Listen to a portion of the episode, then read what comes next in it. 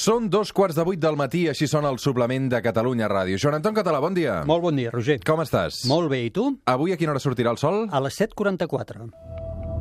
3, 2, 1, seganya!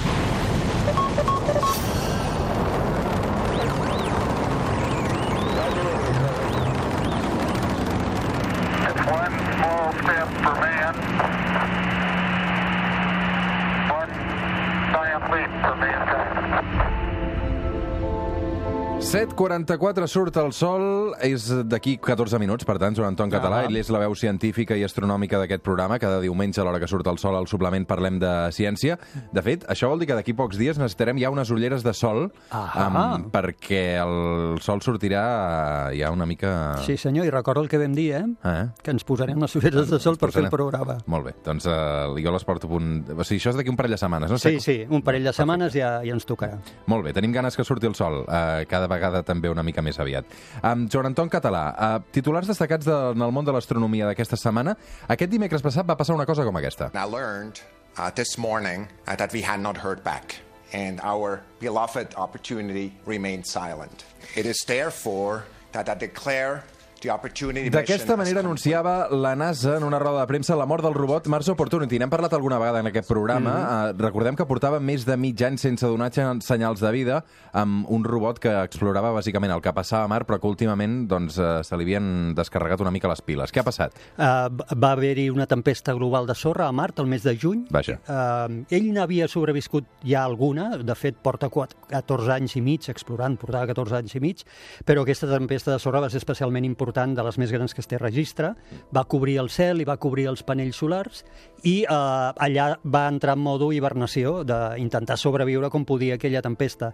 De d'altres tempestes se n'havia sortit quan el vent que havia arribat després havia netejat, havia tornat a netejar els panells solars i ell havia recarregat la bateria. Mm. Però aquest cop això no ha passat, la NASA ho ha intentat fins l'ult al darrer moment, enviant-li missatges cada dia, enviant-li una llista de Spotify, que n'hem parlat alguna vegada, eh, cada dia, etc. i això no ha aconseguit despertar el robot i finalment aquest dimecres passat, en una roda de premsa, que ara n'hem sentit un, un bocí, la NASA anunciava que ja deixen d'intentar comunicar en aquest robot i el donen per perdut eh, formalment, després d'aquests 14 anys i mig d'explorar. Una mena de Mars hem punxat, no? Sí, exacte.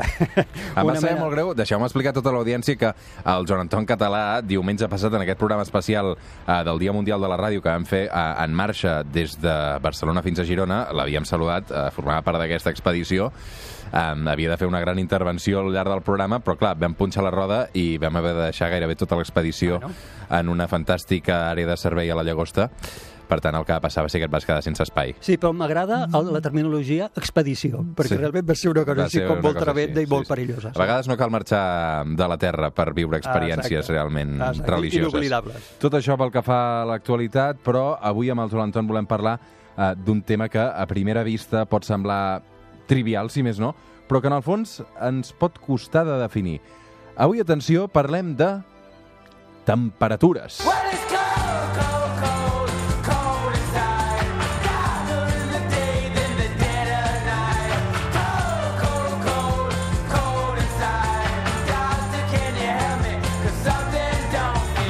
principi són mesos que encara fa fred, però avui volem parlar d'unes temperatures una mica diferent, eh? no del temps, eh, sinó de, de, de la temperatura en un sentit més ampli. Té alguna relació amb el cosmos, aquests graus que cada dia ens explica l'home del temps? Eh, Tot té relació amb el cosmos, diria, perquè venim d'allà, però avui, per explicar què és la temperatura, en lloc d'anar cap dalt, de viatjar cap dalt, viatjarem cap avall, és dir, viatjarem cap al món subatòmic, el món del més petit. Doncs va, té de començar arrencant com afecten els àtoms a la temperatura. Molt bé. De fet, eh, si comencem definint què és temperatura, la temperatura, atenció, seria... eh, No sé si algú alguna vegada s'ha plantejat i què és la temperatura? No, si fa fred o calor, ja, però què és el fred i la calor, no?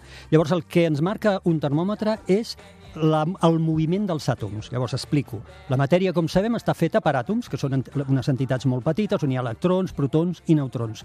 No s'estan quiets. Hem d'imaginar-nos eh, els àtoms que constantment estan vibrant o movent-se. Els d'un gas es mouen molt, el gas està com lliure dins del recipient, els d'un líquid es mouen menys perquè estan, i els d'un sòlid estan com molt fixats, però tot i això vibren. Tenen torsions, vibren, no paren. Com més es mouen, un termòmetre mesura més temperatura. Per tant, ergo, la temperatura és un moviment, és una mesura directa del moviment dels àtoms. És fascinant, això que ens Sí, estàs perquè explicant. clar, si no hi penses, dius, "Oh, però en realitat... Sí, què per tant, el que marca el temperatura?" termòmetre és tot això que ens està explicant ara mateix. Sí, el moviment dels àtoms. Quan agafo un termòmetre i el poso sota la meva aixella per veure si tinc febre, el que fa el termòmetre és eh, contagiar-se del moviment dels àtoms del meu cos, eh, que topen contra el vidre del termòmetre, els àtoms dels quals també vibren, topen contra els àtoms del mercuri, el qual també vibra. Sí, però si el que termòmetre és digital. llavors contra el component electrònic de la placa electrònica que té el termòmetre digital i tot això, per tant, quan puja el termòmetre digital o quan el mercuri, la columna de mercuri puja, el que m'està donant és una mesura de com de ràpid s'estan movent aquells àtoms. Com més ràpid es mouen, diem que hi ha més energia en el sistema, més temperatura que mesurem. Per tant, la conclusió és que quan escalfem alguna cosa, en realitat el que estem fent és accelerar aquests àtoms. Exacte. Quan jo agafo foc o una, no sé, qualsevol font d'energia i aplico energia en un sistema, el que estic fent és excitant aquells àtoms, fent que si abans es movien, ara es moguin molt més, els estic donant energia. Aquests àtoms utilitzen aquesta energia, l'utilitzen per diverses coses, eh? Aquí estem simplificant una mica, però És complicat això que ens està explicat avui, eh? Sí. Vull dir que a poc a poc, eh? sí, uh, sí però a mi m'agradaria això, que ens No, no tinc imaginéssim... temps d'apuntar-ho tot, eh? Bueno, però veig que estàs prenent apunts, la qual cosa està molt bé. Eh, ens hem d'imaginar un mar d'àtoms eh, i tots s'estan movent. El mar d'àtoms podria ser aquesta taula, que l'hem ampliat en un super eh, microscopi electrònic i veiem els àtoms com a boletes, que no ho són.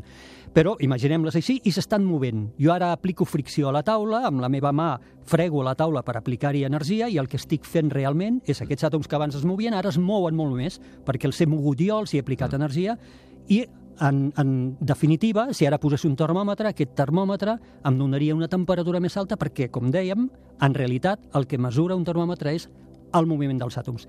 Aquest és el concepte de temperatura. Temperatura és una mesura estadística de la del moviment, de la quantitat de moviment, d'energia de moviment que tenen els àtoms. Conseqüències de la temperatura. Quan escalfem un objecte o un material, Uh -huh. normalment S'expandeix. s'expandeix, no? Exacte. I Creix això, a vegades. Clar, i això ara ho podem entendre. En perquè- d'altres casos es pot fer petit, també, no? Sí, no, normalment creix. Normalment, quan, quan tu escalfes, allò s'expandeix. Per què? Ara ho estem explicant, com que estem aplicant energia de moviment, energia cinètica, que es diu. Els àtoms, aquests es mouen més i, per tant, tenen tendència a ocupar més espai. Això és la raó que, que explicaria d'una forma molt, molt gràfica i molt senzilla, eh? molt simplificada, perquè quan escalfem les coses, aquestes s'expandeixen, perquè els seus àtoms es mouen més i, per tant, tendeixen a ocupar una mica més d'espai. Mm. I quan perd calor? Podem perdre calor per moltes, per moltes vies. En aquest cas, normalment els materials el que farien és encongir-se i podem perdre calor perquè, per exemple, transferim la, el moviment que hi ha dels àtoms, l'estem transferint a un altre cos que ara està en contacte amb nosaltres, els àtoms dels quals es mouen menys. Això és la transferència que anomenem de calor. Tots sabem que si posem un objecte calent al costat d'un fred, s'acaben igualant les dues temperatures. I el tema és aquest, els, els àtoms del cos calent s'estan movent com a bèsties, els àtoms del cos fred també es mouen però menys, xoquen entre ells en la superfície de contacte i es traspassen energia del més calent al més fred. Els àtoms que es mouen més, al xocar, transfereixen energia als altres àtoms, els quals comencen a moure més ràpid i així és com s'acaba igualant la temperatura. És una forma de refredar-se eh, en contacte amb, altre, amb un altre cos. Tot això nosaltres ho hem comprovat al planeta Terra, però què passa a l'espai? Canvia? A l'espai es passen coses molt curioses perquè, per exemple, no hi hauria un objecte on transferir aquesta energia que podem tenir. És a dir, imaginem que l'espai és buit, que no ho és en realitat, però quasi, quasi, quasi ho és. Llavors, clar, no hi ha una taula una paret o un seient on transferir-li l'energia. I tot i això, si traiem un objecte de la- de l'interior de la nostra nau, aquest objecte es refredarà. Com s'explica si no pot transferir? Eh, la intuïció ens diu, clar, que es refredarà, si l'univers està molt fred, però segons el que acabem d'explicar de temperatura, a qui li està transferint aquesta temperatura si no hi ha res? Com es pot refredar? I és perquè hi ha un altre mecanisme, que també funciona a la Terra, però que a l'espai es veu claríssim, que és la radiació. Tot objecte calent emet llum. Tots. Nosaltres, el nostre cos, ara està emetent llum infrarroja, que és de longitud d'ona que els nostres ulls no poden veure, però que sí que poden veure les ulleres famoses de la Llum tele. que no il·lumina res. No, no, però són les ulleres aquestes dels militars, Sí. dels espies, Sí. que poden... Doncs qualsevol objecte calent emet. Com més calent està, llum de més energia emet. Mm. Llavors, eh, un objecte que trauríem a l'espai no podria transferir. Hi ha eh, més d'un aquí a la redacció que fa... No, dic que, que enlluerna molt Ah, quan sí, passeja. segur, home. Sí, sí, tens un equip fantàstic. Sí, molt jove. Uh, uh, te segueixo que m'estàs despistant. Llavors, uh, a l'espai jo trec un objecte de l'interior de la meva nau i es refredar perquè com que ell emet energia, aquesta energia ha de sortir d'algun lloc. D'on surt? Del moviment dels àtoms. Per tant, els àtoms seus es van parant, es van aturant, van vibrant cada cop menys perquè el sistema perd energia i així és com es refreda. Mm. La pregunta que ens podríem fer és molt bé, i ara, i si l'objecte que traiem a fora és un termòmetre? Què mesurarà aquest termòmetre? Quina temperatura fa l'espai? Clar, quina temperatura mesurarà? Sí, no hi ha res. Sí. Llavors, la resposta més immediata que ara ja hauríem de poder donar, després del que hem explicat, és el termòmetre mesurarà exactament la seva pròpia temperatura. La temperatura dels seus àtoms, com sempre és, com sempre és, perquè com que un termòmetre mesura com de ràpid o lent es mouen els àtoms, els seus àtoms s'estan movent i, per tant, la primera lectura que tindrem del termòmetre és la seva pròpia Tu, tu em temperatura. sabries dir una xifra o no? Eh, la, la que tingui dintre de la nau, quan ell surti, si està a 25 eh, graus o 22 graus centígrads, el que sigui, quan ho mateixa. traguem, inicialment serà la mateixa. Què està mesurant el moviment dels àtoms? De quins àtoms? Dels seus. Sempre, dels seus. Què passa? I ara et poso jo un altre element. Imagina't que som a l'espai i ens toca una mica la llum del sol. estem fregits. Com que a, a l'espai, sí, literalment, com que a l'espai no tenim protecció, com sí que tenim aquí de l'atmosfera, que regula i tal, allà la radiació del Sol ens incideix totalment i si estem si ens toca directament començarà, començarà a pujar la temperatura, que vol dir que els nostres àtoms es començaran a moure molt ràpid. Fins on? Poden passar els 100 graus, ens, ens rostirem una mica. Aquesta és la raó per la qual, ja ho hem explicat alguna vegada, les naus, l'espai, les enviem girant també perquè no hi hagi mai una, un lloc, un can, una cantonada que li toqui més al sol que altres. Deixa'm que posi una sintonia perquè necessito processar tot això que m'estàs eh, explicant, que avui està a punt d'explotar-me el cervell, eh?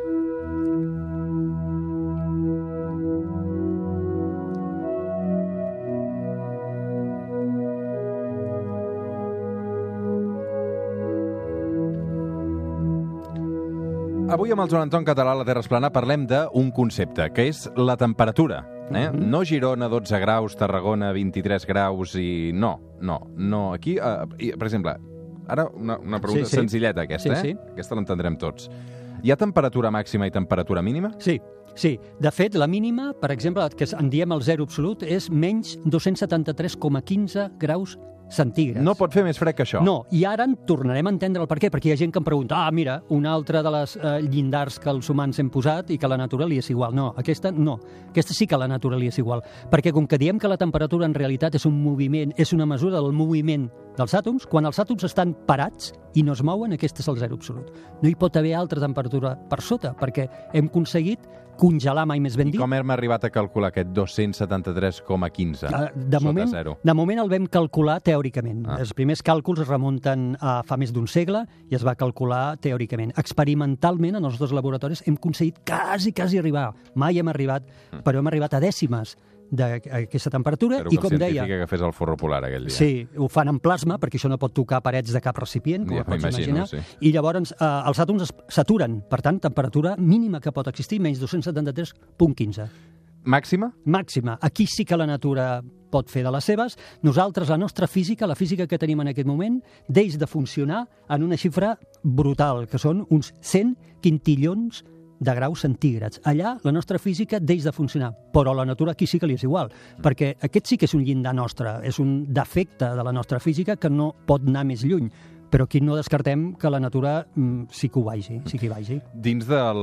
nostre, no sé si dir-te planeta o sistema solar aquí, amb les temperatures més altes i més baixes que hem aconseguit detectar no artificialment... Mhm, mhm. És- Sí, exacte. Mira, si parlem de planetes en el sistema solar, Venus, que ho havíem Venus és el més calent, el això més sí que ho calent, sabem. tot i que Mercuri està més a prop, Venus és més calent perquè té atmosfera molt densa, d'efecte hivernacle, i arriba a 430 30 30 graus.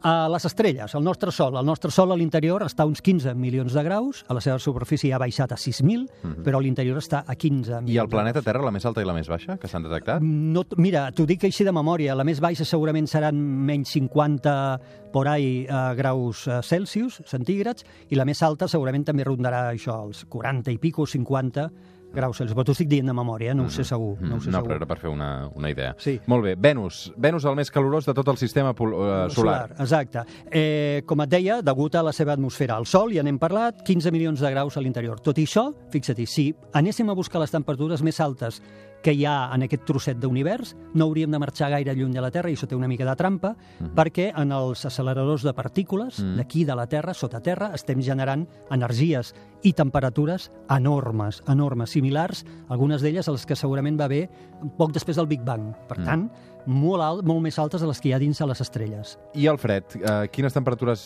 fredes al sistema solar hem detectat? Mira, eh, podríem... a la Lluna hi fa fred, no? Moltíssim, i és el que anava a dir. La Lluna és també molt curiós, és dels llocs més freds que coneixem al sistema solar, més que Plutó, més que aquests objectes que estan més lluny de Neptú. Eh, per què? Perquè la Lluna té uns cràters al pol nord i al pol sud que per la inclinació de la seva òrbita la llum del Sol no arriba a tocar-hi mai. En allà s'han creat temperatures que podrien rondar els menys 240 graus centígrads.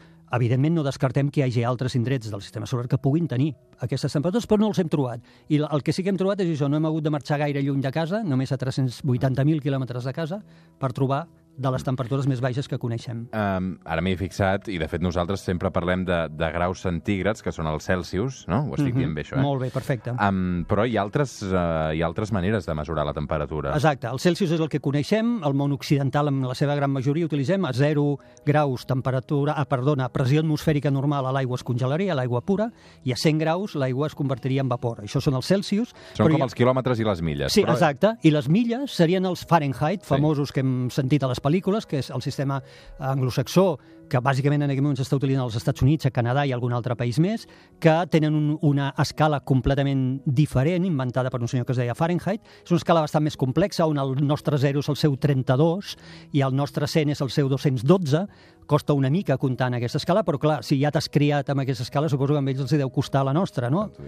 I els Kelvins? Els Kelvin és una, una unitat que seria a l'escala científica, la que s'utilitza als càlculs i als textos i treballs científics, que és una escala que no té rang negatiu, va del 0 Kelvin, que seria aquesta temperatura mínima, mínima, mínima possible, equivalent als menys 273,15 Celsius, cap amunt. Llavors, el 0 Kelvin és això, la temperatura més baixa que pot haver a la natura, i a partir d'aquí pugen.